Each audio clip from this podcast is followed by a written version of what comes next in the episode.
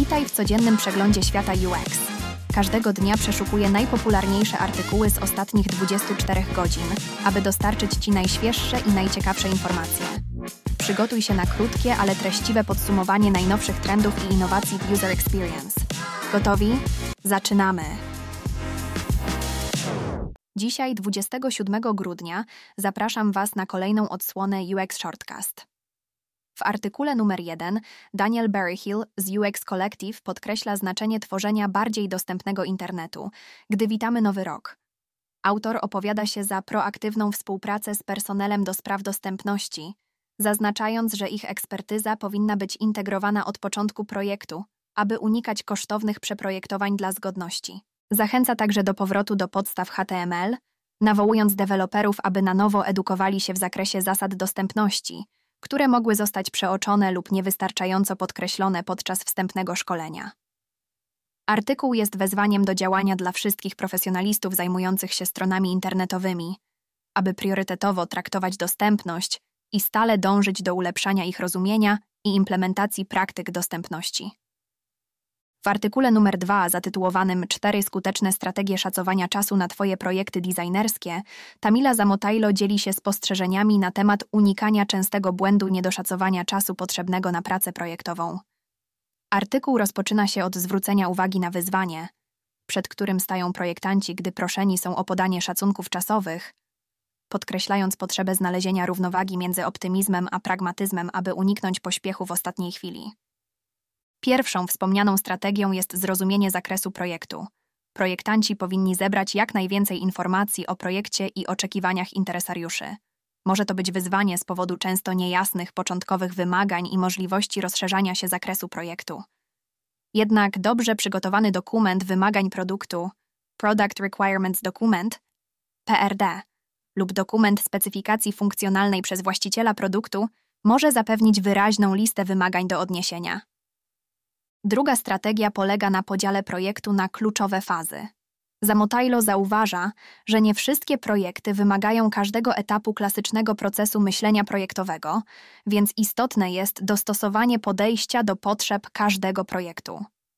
W artykule numer 3 Przełomowe odkrycia w projektowaniu, które doprowadziły mnie do udanych rozwiązań, Gaurav Nikam dzieli się czterema transformacyjnymi spostrzeżeniami – które głęboko wpłynęły na jego pracę projektową.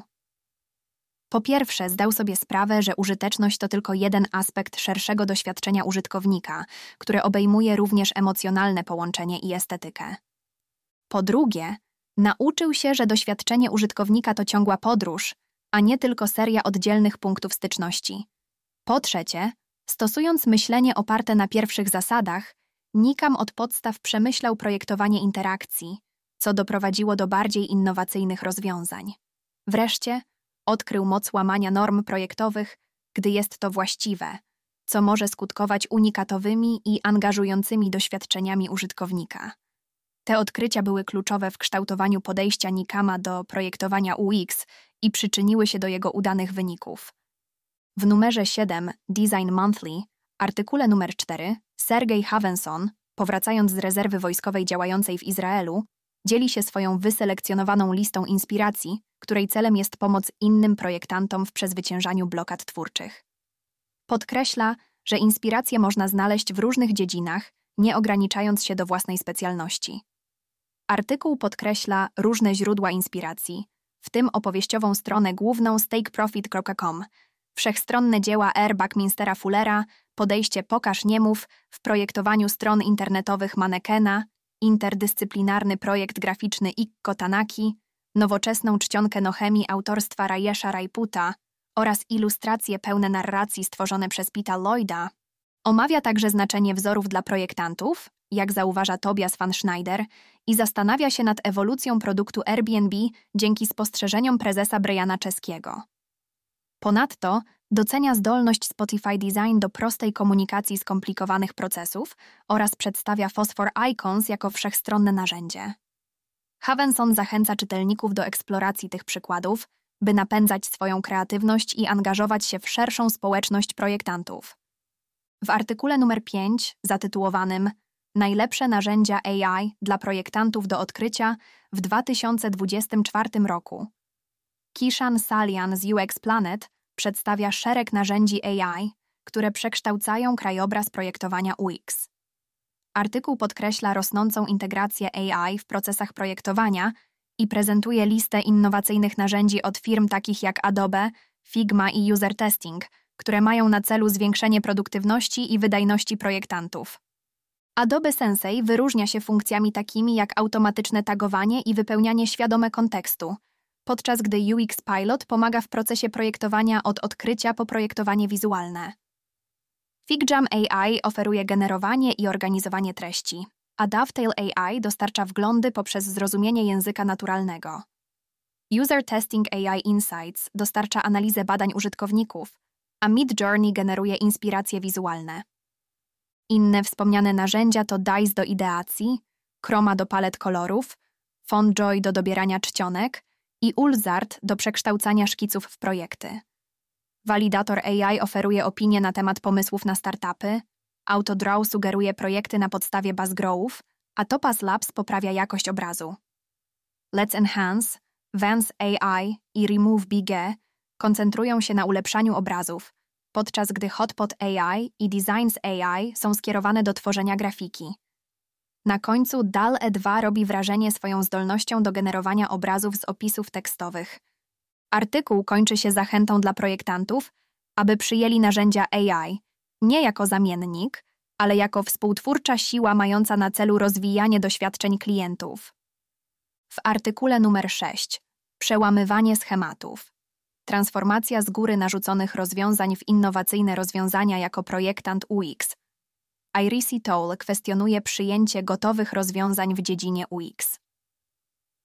Artykuł zagłębia się w typową sytuację, w której interesariusze sugerują przyjęcie rozwiązań, które sprawdziły się u innych, kwestionując potrzebę przeprowadzania obszernych badań i unikalnych iteracji projektowych.